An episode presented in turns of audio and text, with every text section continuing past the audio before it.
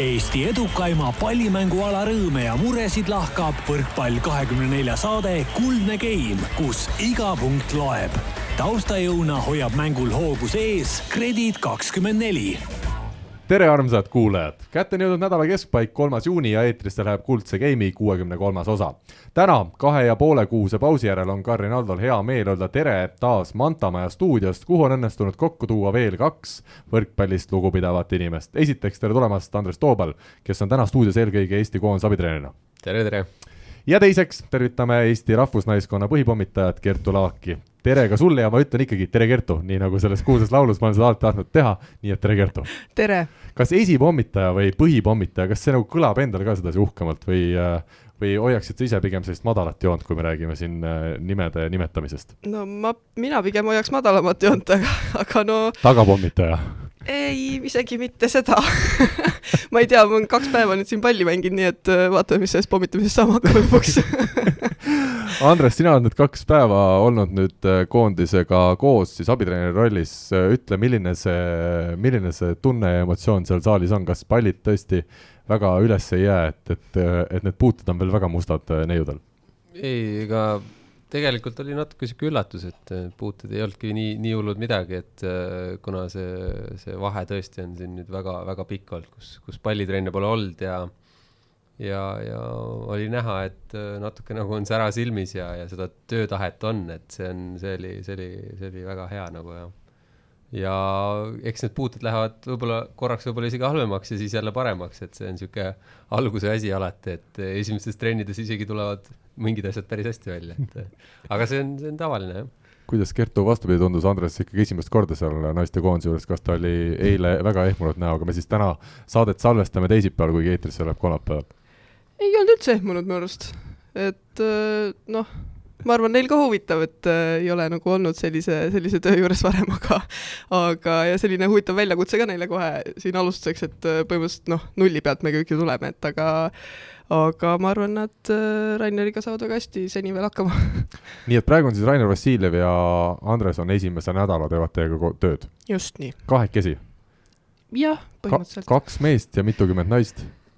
või kakskümmend on teid seal? midagi sellist jah, vähem vist natuke. natuke vähem kui kakskümmend jah, kuusteist, seitseteist. jah, midagi sellist. nii et see on ikkagi selline suur väljakutse kahele mehele, esimene nädal? kas on? no saame hakkama veel, eks äh, algus võib-olla on lihtsam, et eks siin võib-olla läheb raskemaks kuidas teil ära jaotatud need rollid on, kas Lorenzo Michelli uus peatreener on siis väga täpselt juba tänaseks paika pannud, Andres, mida teed sina ja mida teeb Rainer? Praegult on nagu seal, me oleme jõudnud äh, sinnamaani, et äh, eks võib-olla mingid väiksed vihjed on antud, aga, aga pigem Rainer on, on võtnud selle poole seal enda, enda kanda ja, ja mina abistan Rainerit, et eks me natukene suhtleme ja, aga, aga tema on see, kes see kes, kes üles ehitab selle esimese poole, et, et kuni, kuni siis Lorenzo tuleb koos oma, oma taustajõududega ka ja, ja, ja siis üritame, üritame edasi minna, et selleks ajaks peavad naised valmis olema, et juba, juba korralikult pallitrenni tegema hakata, et eks praegult on niisugused tehnilised sisse, sisse või ütleme, juurdeviivad harjutused, et noh, ütleme nüüd, rohkem individuaalne tegevus ma just tahtsingi sinna jõuda, et kas sellist äh, mängimist saab kogu aeg esimeses trennis rakendada või ikkagi treenerid hoiavad seda mängunälga veel kõvasti sees mõnda aega? No ega me kuus kuue vastu ei tee veel päris, aga, aga noh, mingid sellised äh, natuke lõbusamad harjutused on küll, eile me tegime äh, sellist eh, noh, venelast siis nii-öelda ja ma olin seal väga hädas, sest me pidime altserviga palli mängu panema ja need läksid mul ainult paremale ja vasakule, nii et ma isegi normaalse hooaja sees ei oska seda elementi väga hästi, aga eile oli veel hullem. selge, ja kes võitis venelase? ma ei tea, mind seal poole peal kupatati nõrgemate poolele, ma ei tea, mis seal tugevamal poolel toimus. vist päris nii ei lugenud ka seda, et seal jah, sai neid äh, nii-öelda pooli vahetatud, et võitjat ei, ei, ei seekord ei, ei selgitanud välja. selge, aga tead, Kertu, kuna te meil sedasi mõnusalt, mõnusalt mõlemad siin saates olete, siis ma natukene ikkagi teen keerulisemaks seda asja, et see nii mõnus ei oleks, ma olen siin pannud mõned küsimused sulle valmis koondise kohta, millele siis tuleb kiiresti üks nimi vastuseks leida. Kellel on kõige tugevam löök, on see nüüd sinul või Kristiine Miilenil? ma ütleks Miilen. aga Miilen ütles, ütleks ilmselt Laak või? ei tea kes hüppab kõige kõrgemale äh,. Nete. kellel on äh, parim hüppelt serv, Milkal. kuna ta on ainus, kes lööb hüppelt servi. kellel on parim planeeriv serv? ma ei tea. no servivahetused Hanna Pajula, Ingrid Kiisk, ma arvan. väga viisakalt vastatud, kas keegi seda hübriidi ka lööb? vist mitte niimoodi, ei, ei, minu arust mitte. see tuleb juurde, Andres see aasta hakkab õpetama, ma arvan. jaa, kindlasti. kes kaitses kõik pallid alati üles toob? Natali, ohoh, kes sobiks tulevikus kindlasti treeneriks? oi, Julia, ahah, kes enim äh, juttu räägib trenni ajal? Hanna Pajula, ma ei. Kes on kõige vaiksem nii trennis kui ka trenni välisajal? ma, ma arvan, mõni noortest, Eeva äkki, ma ei tea, küll nad ka jutustama hakkavad, kui vahest just. peale tuleb. võib-olla nad räägivad omaette rohkem. Ähm, kes räägib kõige rohkem ja paremini võõrkeeli? kas no., no Jull on väga multilinguaalne. kuigi ma lugesin sinu blogi, et sa, sa esiteks kirjutad inglise keeles siin vahepeal ja väga Jaa. hästi kirjutad muide. ja, ja siis hakkasid veel itaalia keelt kõrvale meelde tuletama, nii et ma saan aru et, et tegelikult võiksin ka sind nimetada. nojah, soome keelest saan ka aru, nii et No tosi hieno sitten Kerttu, tullaan niin takaisin vähän sinne suomen kielelle. Eh, Hienoa, että oot täällä tänään ja, ja, ja kiitos, kiitos siitä. Kiitos. Ah, väga, väga hea vastus, väga hea vastus. nii ja viimane küsimus, kes Andresele trennis vastu võib hakata vaidlema? on selline keegi, kes no no ma ei tea, kui ta seal sidemängijatega võib-olla tegutseb, siis võib-olla, võib-olla Julia. tervitame Juliat ja, ja soovitame. Usu. Andres eitab praegu, okei, arvab, et. Esimeste trennide põhjal on kõik veel kontrolli all. kui meil Tõnis Niinemets käis, siis ma tema pean kohe varakult Nii. ära ütlema, et ei, ei, ei, keegi ei saa, ei saa, muidu tekibki tunne, et võibki hakata. mul tuleb meelde, kui meil Tõnis Niinemets käis külas esimesel aprillil, ta ütles, et Ardo Kreeg on juba probleemid äh, koondises mm., kuigi ta ei olnud võistkonda veel nii-öelda juhendama hakanudki. No nii, aga sissejuhatus on tehtud. Lorenzo, if you are listening, I think you know now everything about your girls ja me saame siit minna edasi juba vähem tähtsamate teemadega, ütleme siis nii äh,. alguses sai juba räägitud, aga, aga kui me seda koondise suve laiemalt vaatame, mida siis tänaseks teada on naistele, et need EM-valikmängud, seda, kas nad toimuvad augustikuus, veel ei tea vist.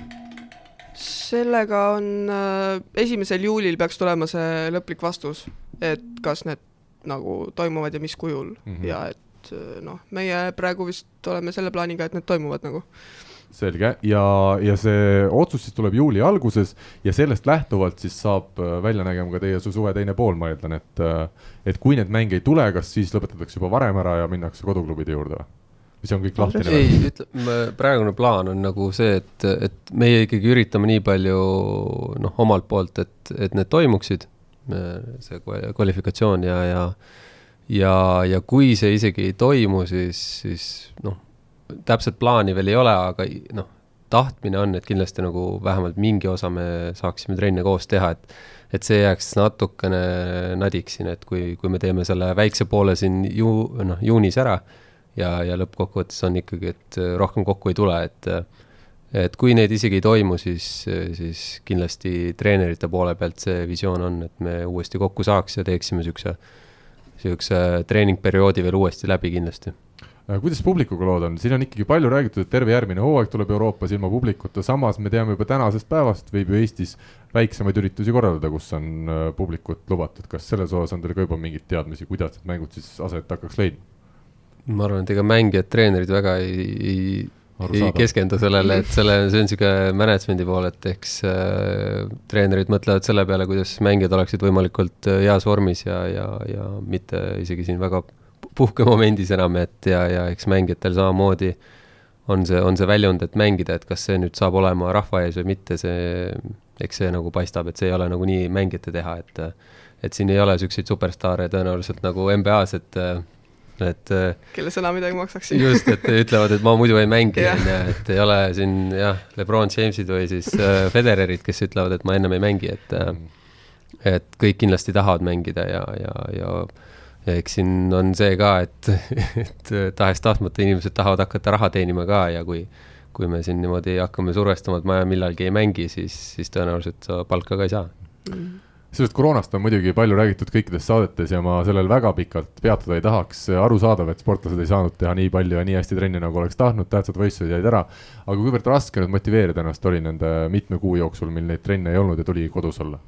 no ikka üsna raske, selles mõttes vähemalt nagu alguses. et noh, lõpuks tekkis nagu mingi selline rutiin või, või noh, selline, et nagu natuke harjusid ära olukorraga, aga alguses oli küll nagu, et oled nagu harjunud, et äh, kümme pluss tüdrukut on sul kogu aeg kõrval ja, ja selles mõttes äh, noh, treenereid ka ei ole ja niimoodi, et, et ikka ennast pidi päris korralikult äh, nagu push ima, aga aga samas ma arvan, see nagu näitab, selline olukord nagu näitab ära, et kes nagu, kes nagu tahab seda tööd teha iseendaga sellel ajal, et, et siis see saab nagu korraliku ma arvan, eelise nagu teistega võrreldes oli see üllatav ka, kui palju saab tegelikult koduste vahenditega trenni teha ja erinevaid harjutusi teha või? No ikka, kui neid kavasid meile saadeti, siis iga kord oli nii, et oo, sellist asja saab ka teha. et äh, aga noh, selles mõttes mul oli väga hästi, et mul on äh, vend koju ehitanud sellise korraliku jõusaali kompleksi juba peaaegu, et et seal sai väga paljud asjad ära teha. kas seal oli liiklus väga suur koroona ajal või? ei, me ei müünud pileteid välja kuigi tagantjärele võib-olla oleks võinud midagi tulevikuks, kui Just. teine laine tuleb nali naljaks, palju seal siis jõusaalis neid äh, atribuute on, kus saab äh, ennast tugevamaks teha? noh, meil on seal ikka kibur ja hantlid ja kang ja noh, ikka korralik, selles mõttes noh siuksed basic jõusaali asjad saab ära teha.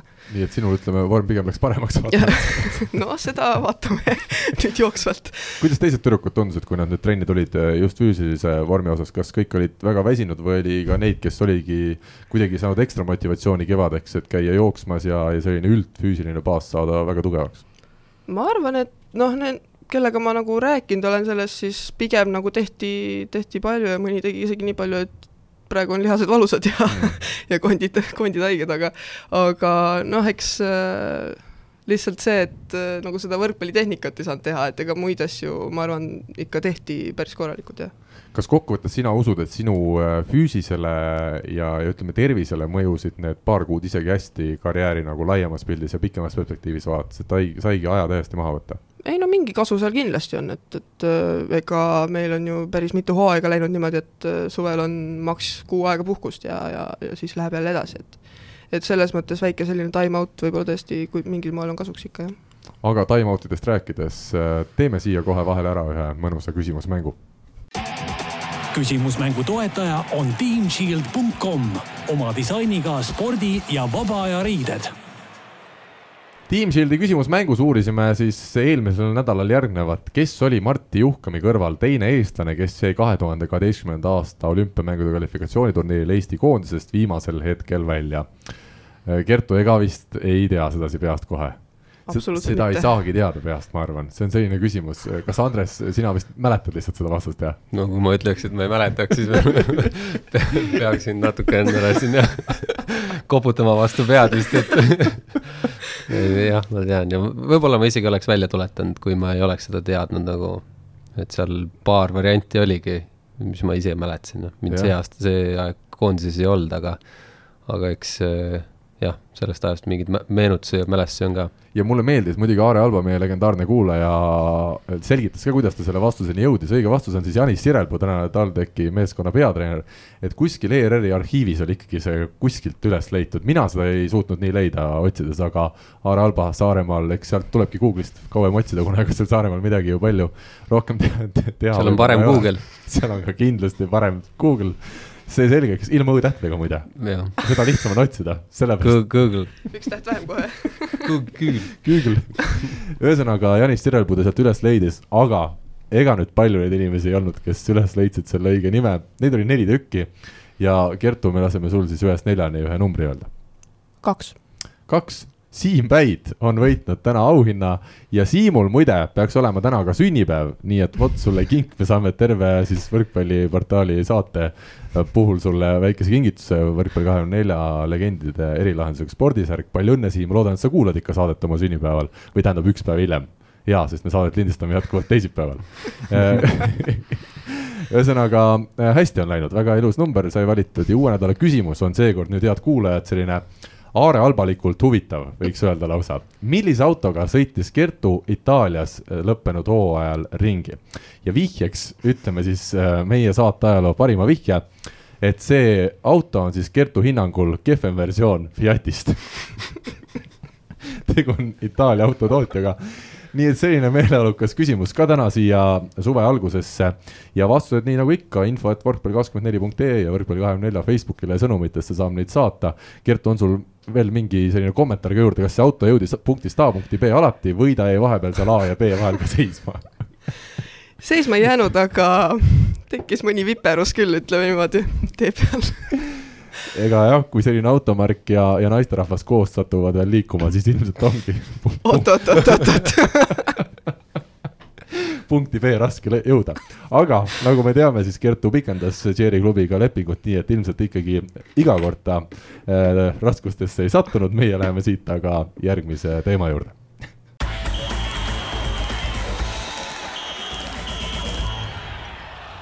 ja läheme edasi saate teise osaga, juba me oleme rekordkiirusel liikumas, aga ega kunagi ei tea, siin on sellised jutuvestjad koos, et lõpuks võib ikka õige aeg ja kõige pikem saade tulla. Kertu, äh, küsin sinu käest natuke laiema küsimuse, kuivõrd tähtis on sinu jaoks võrkpall äh, üleüldises plaanis, kas see on sinu jaoks ikkagi elu, on ta, on ta puhtalt selline töö, meelelahutus, kuidas sa ise seda sõnastad? no praegusel hetkel ma arvan, ta on ikka pigem sinna elukanti, et, et et äh, selles mõttes see on ikka noh, ta on küll töö, aga samas ta on nagu ka nagu tundub nagu ma teeksin nagu oma hobi ja samas see on ikkagi nagu elustiil ka, et see on nagu ikkagi nagu kakskümmend neli seitse pead nagu noh, tegelema sellega põhimõtteliselt. nii et seda ei saa olla, et sa mõtled, et näed, nädal aega nüüd ma, isegi kui koroona oli, et näed, ma ei ole, praegu ei ole spordihetke, ma saan kõike süüa ja, ja kõike muud teha elus ja et see tiksub kogu aeg mõttes, et sa ikkagi oled profivõrkpallur ja, ja pead äh, olema vastavas vormis? no seda kindlasti jah, et, et ma, mul on selles mõttes vastutus iga tiimi ees, kuhu ma, kuhu ma siis ka ei lähe, et et äh, eks üks motivatsioon praegusel ajal oligi nagu see, et koondis ükskord jälle kokku saab, siis, siis peab ju mingis äh, nagu võimalikult heas vormis tegelikult olema, et, et oleks nagu endal lihtsam ja et oleks ka võistkonnakaaslastel lihtsam.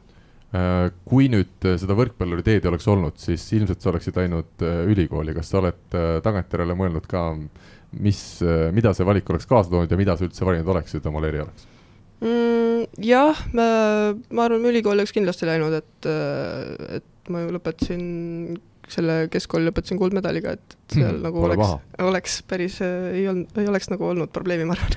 aga ma arvan, ma oleksin, või noh, mul on päris kaua peas olnud see ajakirjanduse mõte ikkagi. ja et, ongi nii, jah. ja. nii et siin on, istuvad täna konkurendid ikkagi vastamisi, kui öelda jah.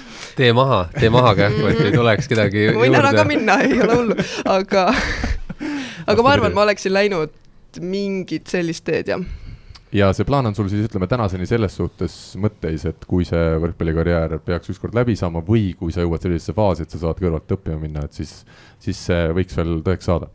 jaa, absoluutselt, ma ei ole seda ust nagu kinni pannud, jah mulle väga meeldib, et sa oled seda ust kinni pannud ja Võrkpalli kahekümne nelja portaal on ka sellest juba võitnud äh, Laagi ja Miljani viis küsimust. ma võin öelda, te olete tihti mures Kristiinega, et kas neid lugejanumbreid piisavalt on, aga viimane nüüd Anu Ennukiga isegi tuli need lugejanumbrid olid kuu, kuu ajad paremad, et ikkagi tasub teha, nagu ma olen teile alati öelnud, et ja, ja pealegi ei ole klikk, ei ole tegelikult kõige tähtsam asi.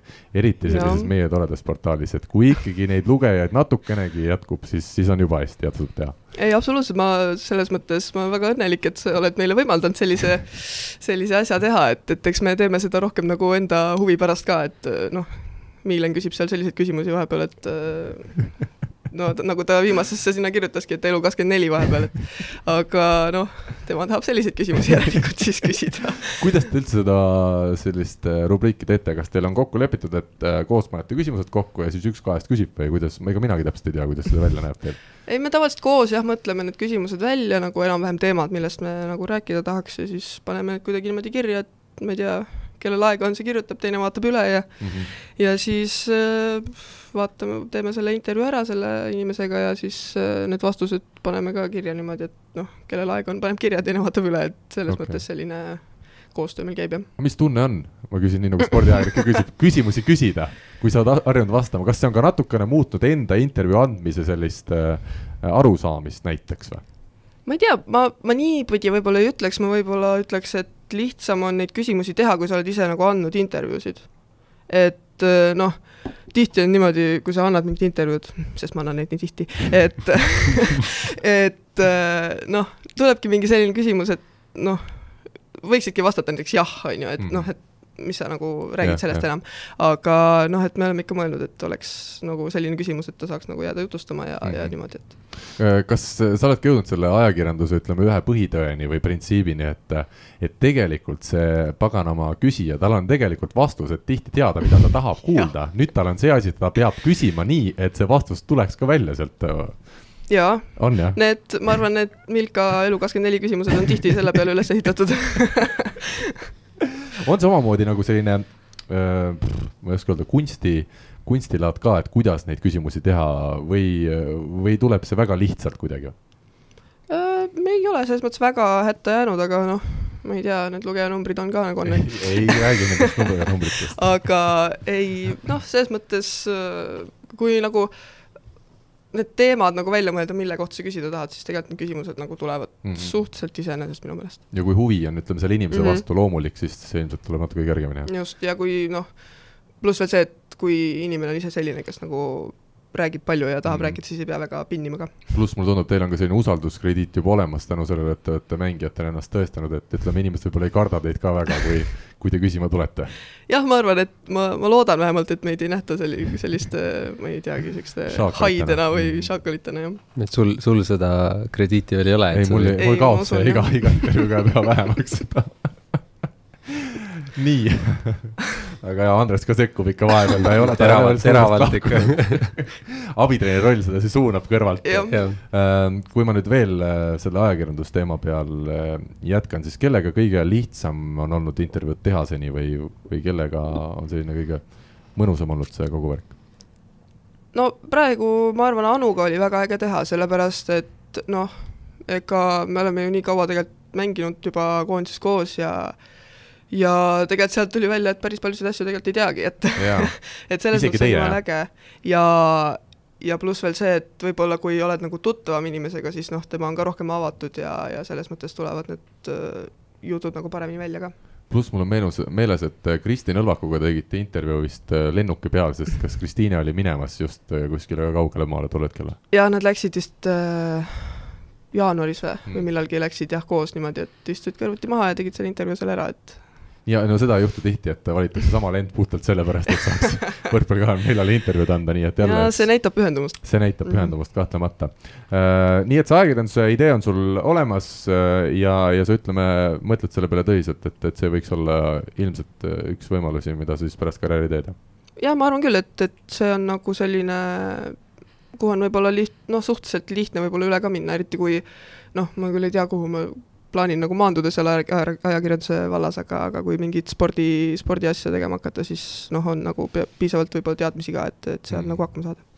Uh, kuna ma tean ka, et, et sina oled julge rääkija võrreldes ütleme mõne teise võib-olla sportlasega, siis ma küsiks veel sellist natuke sügavamat küsimust, et kui palju üldse naiste spordis või naiste just võrkpallis, koondises, klubis äh, muretsetakse selle pärast või naised muretsevad selle pärast, et üks hetk tuleb ju lapsi saada, üks hetk tuleb ülikooli minna, ilmselt ka mingit tööd teha, et kas sina oled veel noor, kahekümne kahe aastane, aga, aga palju sellest omavahel juttu tuleb? no eks äh, ma ei tea, kui palju me sellest omavahel räägime, võib-olla minuga ei räägita, sest ma olen noor alles, aga no ühesõnaga eks need mõtted on nagu peas küll mm., et äh, et meil nagu sportlastena on nagu ütleme, võrreldes teiste elualadega kindlasti nagu raskem seda esiteks nagu planeerida, teiseks nagu ka ellu viia, et, et aga, aga ma arvan, et ütleme, kui nagu see otsus tehakse, siis samas nagu kõik saavad sellest aru, et, et noh, ega võrkpall on tore asi küll, aga selles mõttes elu vajab ka elamist ja, ja kui on nagu inimese arvates see õige hetk käes, siis noh, keegi ei ole nagu, kellelgi ei ole seda sõnaõigust, et nagu sellele vastu vaielda minu meelest. ja kui me vaatame ka täna Eesti koondist, ütleme, Anu Ennok on võib-olla kõige pikemalt olnud koondises, aga temalgi ju kolmkümmend eluaastat ei ole veel täitunud mm, Mhm. -hmm. et, et selliseid kolmkümmend pluss vanuses mängijaid Eesti võrkpallis täna ei ole, mis on ühtpidi justkui hea, et koondisel ilmselt paremad päevad on veel ees.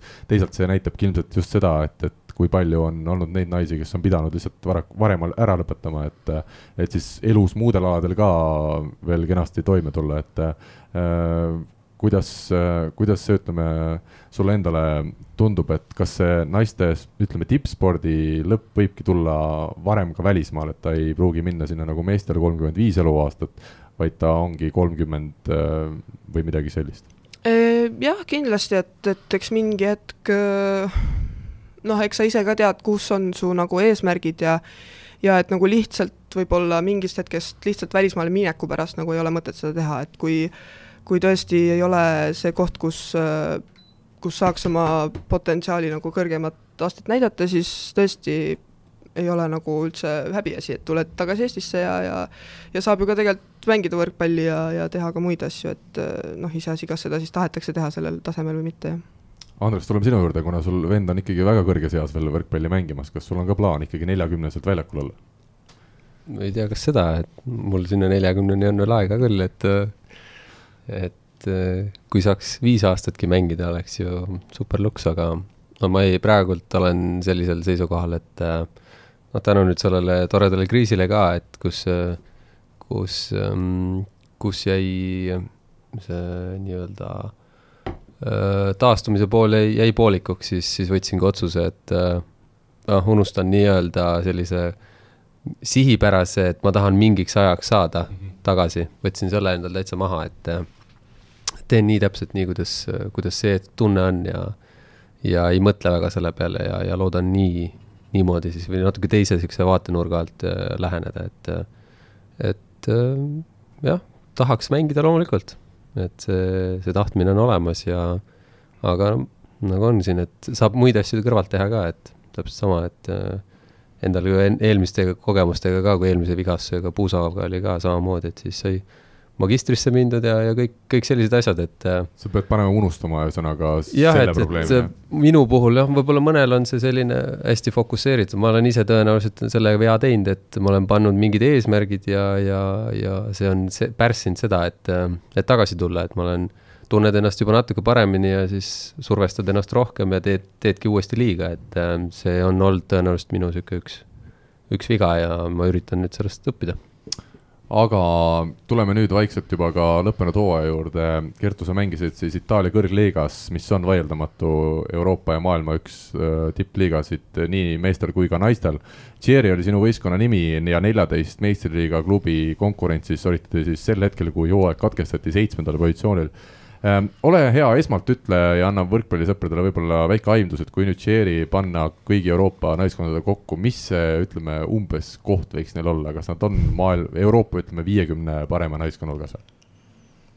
oh, ei tea.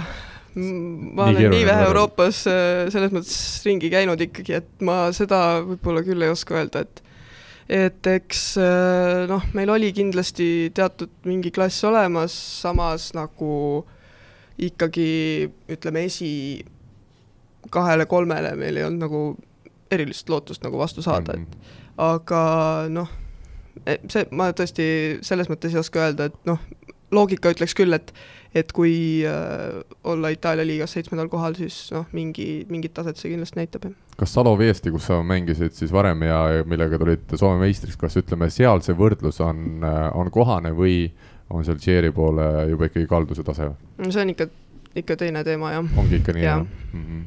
Ole hea, räägi sellest naiskonnast natukene, kuivõrd tähtis on siis Tšeeri naiskond, ütleme, kohalikule kogukonnale, palju käib seal pealtvaatajaid ja milline see üleüldine atmosfäär seal Itaalia võrkpallis on uh,? Ma arvan, et meie, meie fännid olid ühed valjuhäälsemad seal liigas, et äh, võib-olla rolli mängis ka see, et meil oli üks väiksemaid saale sest äh, seal tehti minu meelest uus nõue nüüd enne seda hooaega, et tuhat viissada kohta peab saalis olema ja siis ja siis meil ehitati kaks rõdu selle peale juurde, et et saada see norm, norm nagu täis.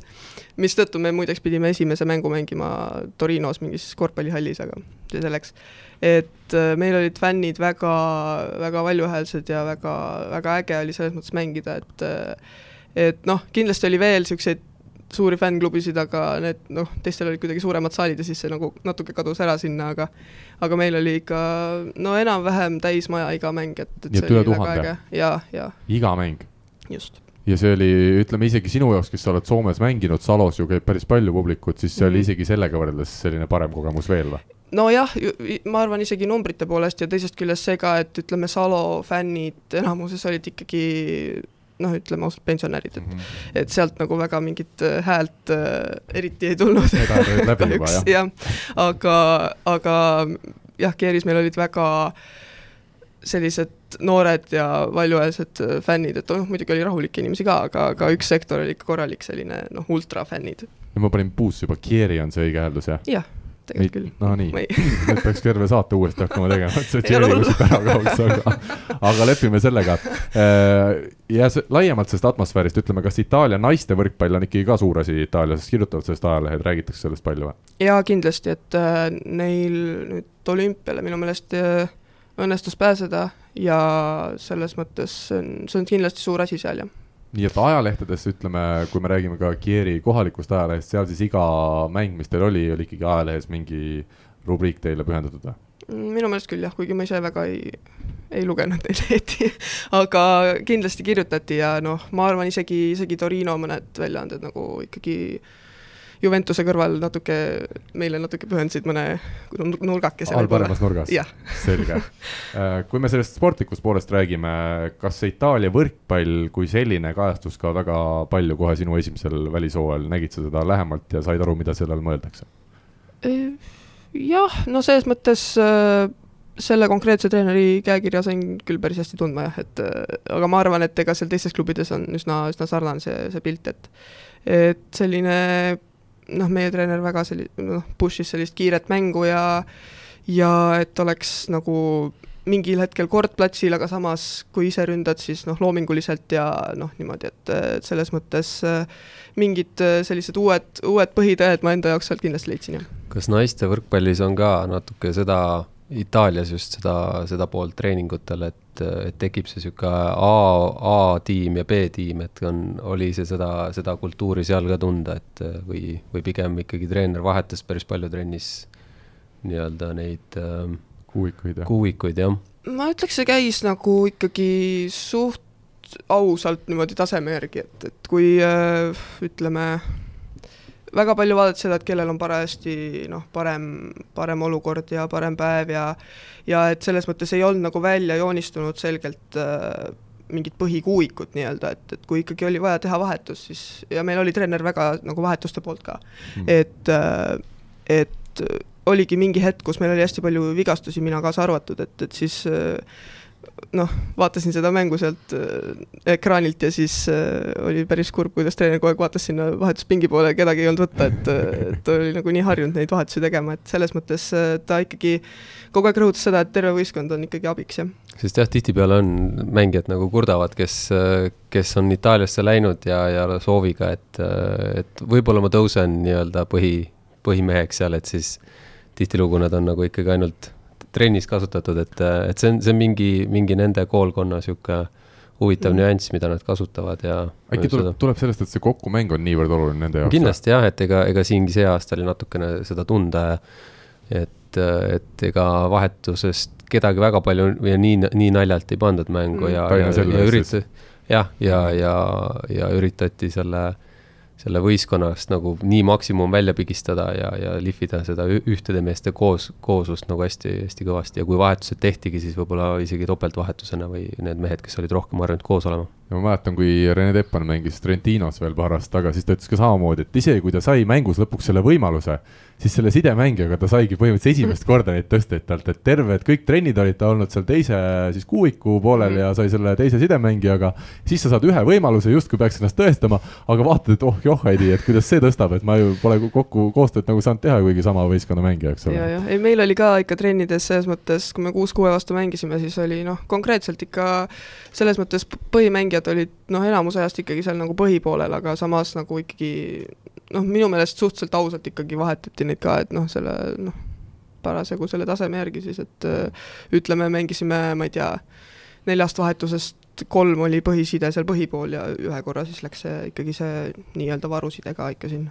kas Itaalias mängitakse trennis hästi palju või? ikka, ikka üsna palju jah, nagu selles mõttes öö, ütleme, pigem nagu proovitakse neid noh, side-out'i ja ja siis kaitsemängupalle nagu, et mm, -hmm. et äh, jah, ütleme mäng kui selline nagu nullist kahekümne viieni, et sellist asja nagu trennis ei tehta, jah. aga mänguline pool just, et siis nagu oleks selline imiteerimine mingeid olukordi siis? ja, ja et äh, see on hästi, seda me tegime ikka väga-väga palju, jah kui, et enamus trenni ajast läks selle peale, kui palju nõuti sinult kui diagonaalründajalt kaitsemängu? Nõuti. nõuti? kõvasti, jah. mida, mida ütleme, huvitavat või uut sa üldse õppisid seal Itaalia esimesel aastal, on sul mingid selged näited, mida sa said nüüd teada või, või hakkasid teistmoodi tegema? no mulle push iti ka seal seda hüppelt jõuservi ikka, sest kuidagi selle, noh, seal oli Molteni pall, eks ole, et sellega see planeeriv serv, mida ma Mikasaga tegin, see nagu nii hästi kusjuures välja ei tulnud, et siis me vahetasime ümber ja ma lõpuks tegingi seal hüppelt servi, jah. aga nüüd suvel koondises? no vaatame, ma selle palliga pole üldse mänginud, siin on see uus Mikasa veel, et, et vaatame, mis saama hakkab aga midagi veel peale selle hüppelservi? Äh, no minu puhul pandi võib-olla ploki peale päris palju rõhku, et kui me käisime mingi hommikustes trennides ja nii, et siis äh, siis ma sain seda plokki päris palju teha, sest noh, see mul on selline üks nagu nõrgematest külgedest, ma arvan, et ma arvan, seal on nagu potentsiaali, aga see nagu ei ole päris avaldunud veel mm. -hmm. nii et ütleme, selles suhtes oli see hooaeg hea, et sa said teha tegeleda paljustki nende asjadega, kus sul ongi seda aren-, arengut nagu vaja olnud sinna? jaa, ma arvan, et äh, see, et ma olin seal nii-öelda teine diagonaal, et see võib-olla andis natuke, võttis nagu mingid pinged võib-olla maha, et ma sain nagu tegeleda enda mingite nõrgemate külgedega, samas nagu need treenerid, kes seal olid, nad olid väga selles mõttes abivalmis, nad pühendasid nagu aega mulle, isegi kui ma olin äh, noh, vigastatud ma ei saanud noh, joosta, hüpata, eks ole, et siis äh, peale trenni sain kastit lüüa, teha mingeid plokiliigutusi lihtsalt, et et selles mõttes oli nagu pühendumine igale mängijale minu arust väga hea, jah. Äh, sinu positsioonil siis diagonaalis oli, kui ma ei eksi, Kaja Krobelna on see nimi hääldus nüüd, nii et ei pea maha võtma, väga hea. Äh, Poola-Belgia taustaga diagonaal ja nii palju, kui mina nüüd oma selle Google'i äh, otsingumootori kaudu sain teada, siis ta ikkagi peaks olema üsna korralikul tasemel diagonaalründajaga, ütleme maailma mõistes, oled sa nõus minuga? jah, ta on kindlasti väga, selles mõttes ta on kogenud, ta on mänginud Poolas äh,, Itaalias mitmes klubis, et et äh, kogemus tal on, ta ei ole noh, selles mõttes mingi, ta on vist minust, ma arvan, sentimeeter pikem, et ta ei ole mingi noh, selles mõttes maailmaklassi, ütleme, pikkusega, aga ja kui palju sinu pikkust on? Äh, meeter kaheksakümmend üheksa on minul, ma arvan, ta on äkki üheksakümmend, üheksakümmend üks. et äh, noh, selles mõttes ma tegelikult nägin, et see ei ole nagu midagi võimatut ka teda nagu noh, üle mängida, aga aga et äh, temalt õppisin ka hästi palju ja ta jääb nüüd järgmiseks aastaks ka sinna, et et siis me saame jätkata sellist väikest tandemit seal, selles mõttes on äge Äh, kas sa ütlesid, et, et ta on sinust ka natukene, ütleme, kogenum veel praegusel hetkel või mm? -hmm, ta on, ma arvan, neli aastat noorem minust, kui ma ei eksi. kas sa ise nägid ka, mille Tähendab puhul, just, kas sa nägid äh, ise ka, mille puhul nagu tema siis kogenuma mängijana paremini tegutses kui sina või suutsid sa midagi sedasi täheldada otseselt või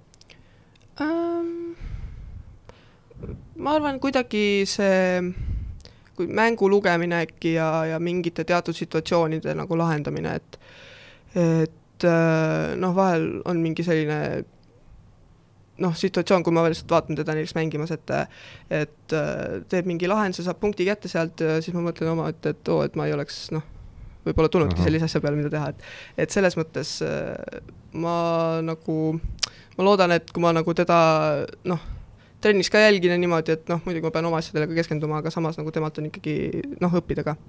mis mind nüüd huvitab jälle sellise intrigeeriva ajakirjanikuna. kui palju on äh, sama positsiooni mängijate puhul sellist äh, omavahelist võitlust nii-öelda mentaalsel poolel, kas seda tuleb ikkagi võrkpalliväljakul ette, et kui sa oled ühes võistkonnas, sa küll oled ühiste huvide nimel, et, et saada neid võite võimalikult palju, aga paratamatult, et platsile pääseda, pead sa selle teise mängija üle mängima? Jah, no selles mõttes äh, eks ma arvan kui noh, oligi need kuuikuharjutused näiteks ja, ja meid vahetati ära näiteks kahekesi või, või tal võib-olla ei olnud kõige parem päev ja mul võib-olla oli natuke parem päev, siis noh, eks noh, trennis ikka annad natuke võib-olla väikse vihasema plaksu või mida iganes, aga noh, selles mõttes väljaspool seda ei olnud nagu absoluutselt mingit probleemi. Andres, kuidas sinu karjäär on näidanud, sa muigad kuidagi hmm.? natukene tegelikult see oli hea küsimus, et ega, ega ise oled ka nagu sellises momendis olnud, et äh, lastakse siis või kumbal poole peal oled mm -hmm. ja kui mhm. see pool kaotab, siis ja, ja te, tehakse vahetuse, siis sa teisel pool ka uuesti nagu kaotad mm, -hmm. siis tekibki see, et oot-oot-oot, et, et nüüd, mis nüüd siis juhtus, aga, aga samas jube hea tunne on, kui lähed ühel pool, võidad, vahetatakse ära, võidad ka, siis on ju täpselt vaatad, aga kes siis süüdi on, kes, keda on ju. siis on järelikult sidemängijas viga ja ütleme, side on ka selles suhtes vist eriti tuntav positsioon, et ikkagi iga pallivahetus käib palli ja. läbi sidemängija ja seal.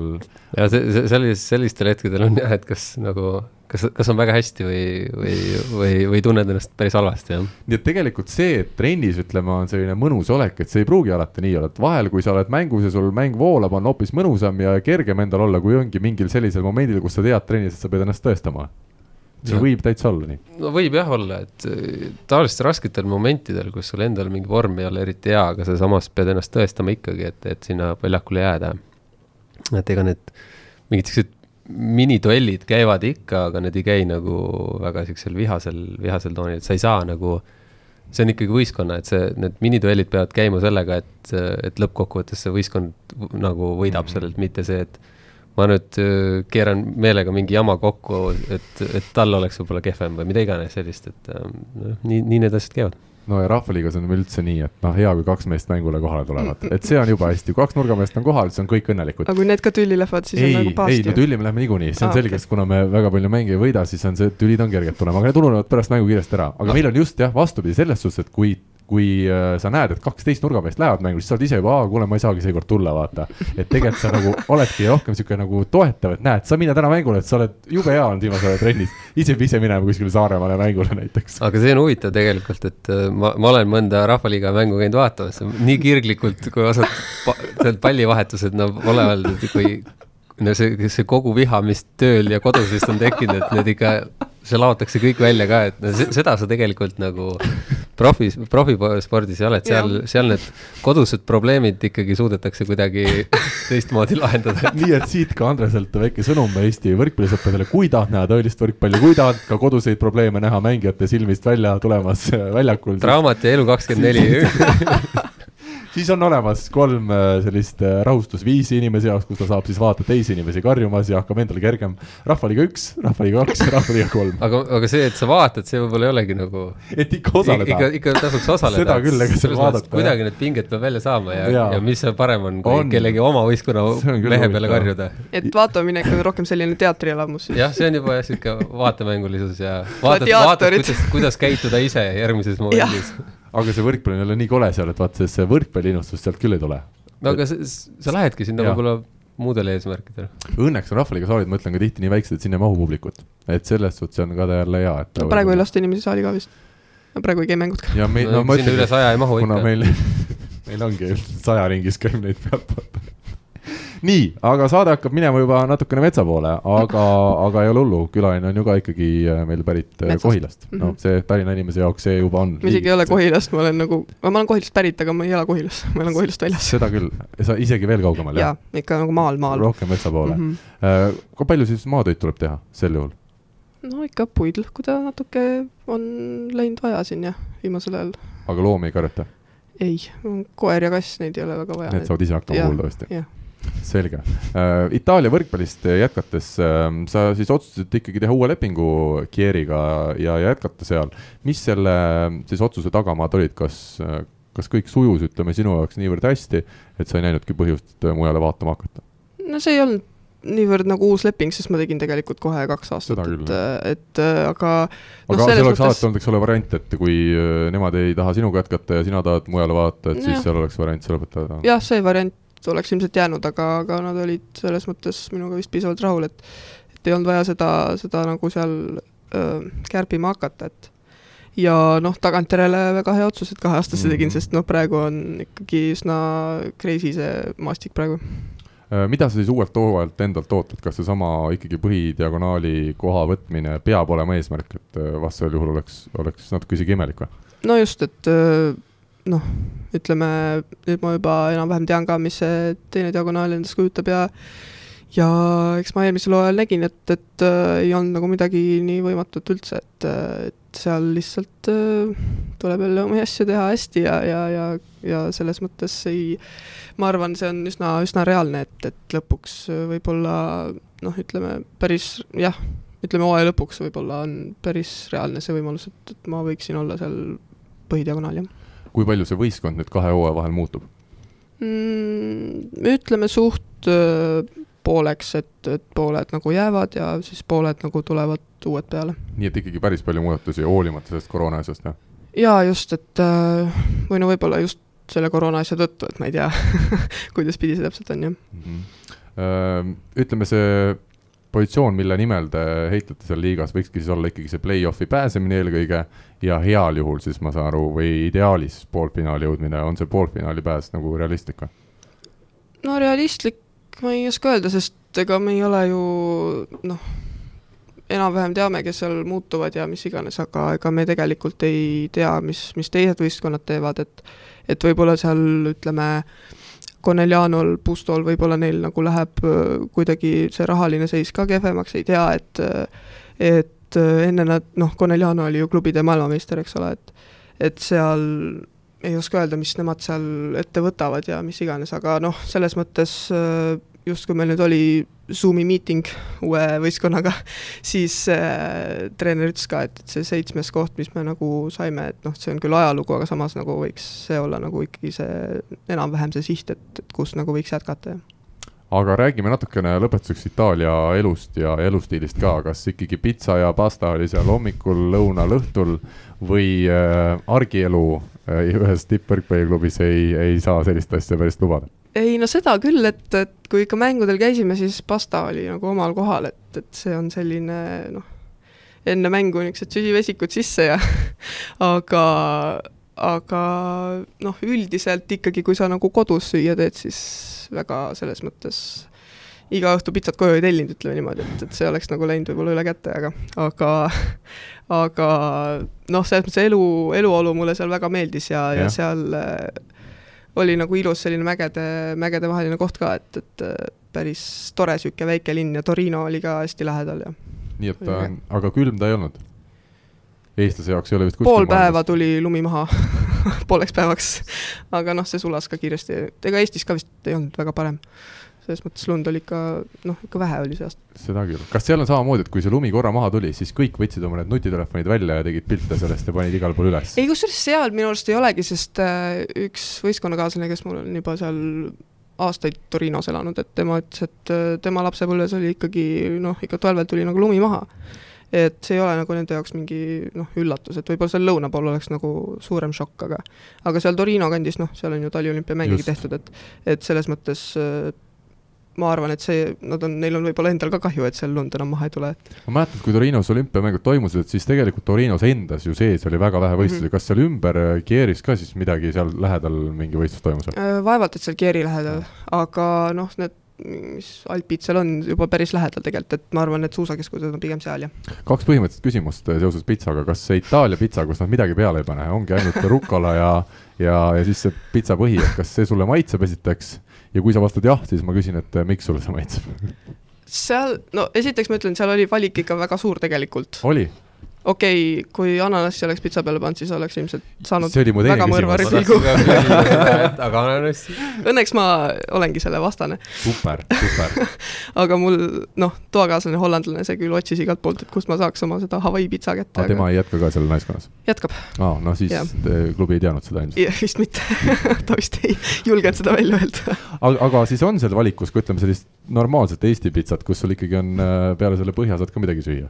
Ja sealt saab seeni ja kõike sinna ja erinevad singid, ma ei tea, nelja juustu, eks ole, noh, kõik, mis, mis siin kihaldub.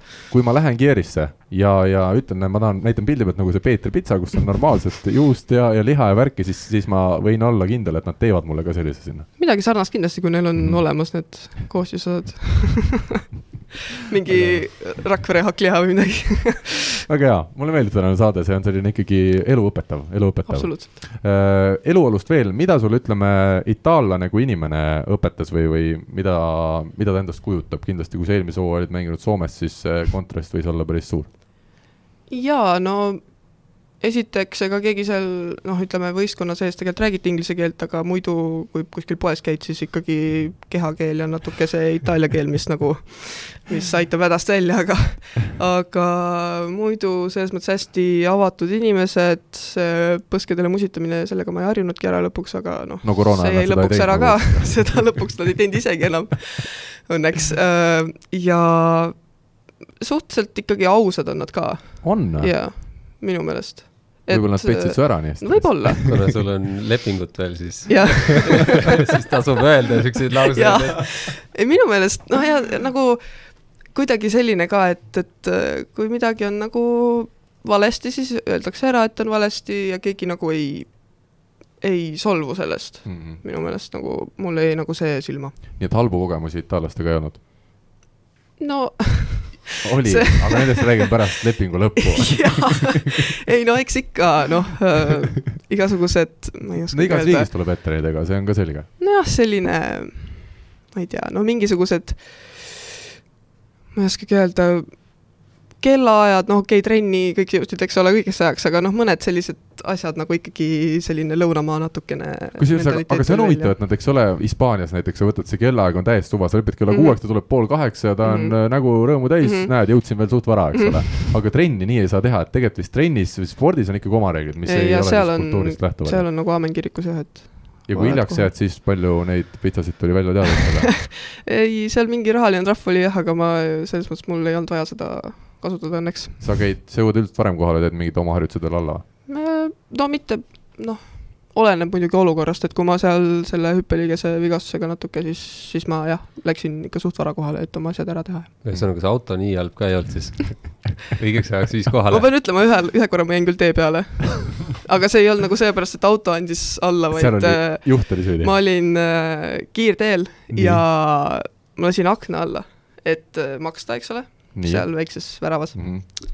ja aken ei lendu üles pärast enam ja ma pidin kuskile Torinosse, eks ole, parkima, sest ma läksin mingit rehab'i tegema. ja siis ma tõmbasin ennast kuskil tee äärde ja helistasin mänedžerile, et noh, et niisugune probleem praegu, et et aken ei lähe üles, et kuidas ma pargin Torinosse niimoodi, siis ta nagu otsis natuke ja leidis mulle mingi auto remondikoha, kus mul lükati see aken üles ja järgmisel päeval läksin, vahetasin ära selle nupp, nupu seal, mis katki läks. aga vot nüüd ma annan teile ka vihje, mul on äh, isiklikult äh, siis repertuaaris on mul kakskümmend aastat vana Seat Cordoba nüüd, mis maksis täpselt nelisada eurot. Ja seal on see veel manuaalne äh, selle akna tõmbamine. Nii et ja noh, teine asi on see, et kui keegi selle sinna sisse murrab isegi, siis ma arvan, et see auto väärtus võib ainult tõusta. et ta muutub veel omanäolisemaks. et selles suhtes need äh, ikkagi elektrilised asjad ei pruugi alati tulla kasuks eriti Itaalia kiirteel jah, ja autoraadio andis ka otsad ja jah. nii et podcast'e sa mingi hetk enam ei kuulanud lihtsalt? no ei olnud jah kuskil kuulata.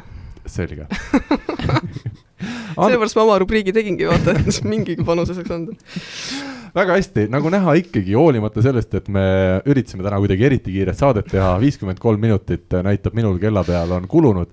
Ja väga meeldiv, et nii palju kulus. Kertuga oli selge, et alati jututeemasid jätkub ja, ja nagu ütleb vist Alvar Tiisler, et jätkuks teiseks korrakski, aga järgmine kord. Sa vist vaatasid eile saadet, jah? vaatasin saadet. Ja Andres, mis me siis lõpetuseks ütleme, Kertule vist soovime eelkõige heasse vormi jõudmist, nii nagu kõigile teistele naistele, aga, aga sinule siis ikkagi vastupidamist nende naiste keskel, et ega see ei Jõudu. ole kerge töö eks paistab. kaks ma, esimest päeva. niimoodi küll vastu ei lähe. sa oled nii optimistlik. pean, lihtsalt ma vastu nüüd pean, et äh, üritaks ikka nii, et ma saan midagi, midagi edasi anda ja, ja ise õppida Kertu vaatab siin jääb sihuke, sihuke mulje, et millega me nüüd ennast sidunud oleme, et et vaene Andres ja vaene Rainer, et nii, nii hull, nii hull see asi ei ole ju. ma ikkagi ütlen, rasked ajad on ees ootamas, pea vastu aitäh sulle. igatahes aitäh teile mõlemale täna siia stuudiosse tulemast, oli väga meeldiv siin taas saadet teha nii, et ei peagi kilomeetrite kaugusel kuskil Skype'i vahendusel väga halva helikvaliteediga äh, ühenduses olema. olgu siis tubli kogu Eesti naiskond ja, ja jõudu-jaksu teile ja loodetavasti see EM-valikturniir saab ikkagi selle suve jooksul ära peetud. loodame, aitäh. ja meie täname kõiki kuulajaid ja kohtume uuesti juba järgmisel nädalal Eesti kõige põnevamad podcastid on Delfis, kuula tasku.delfi.ee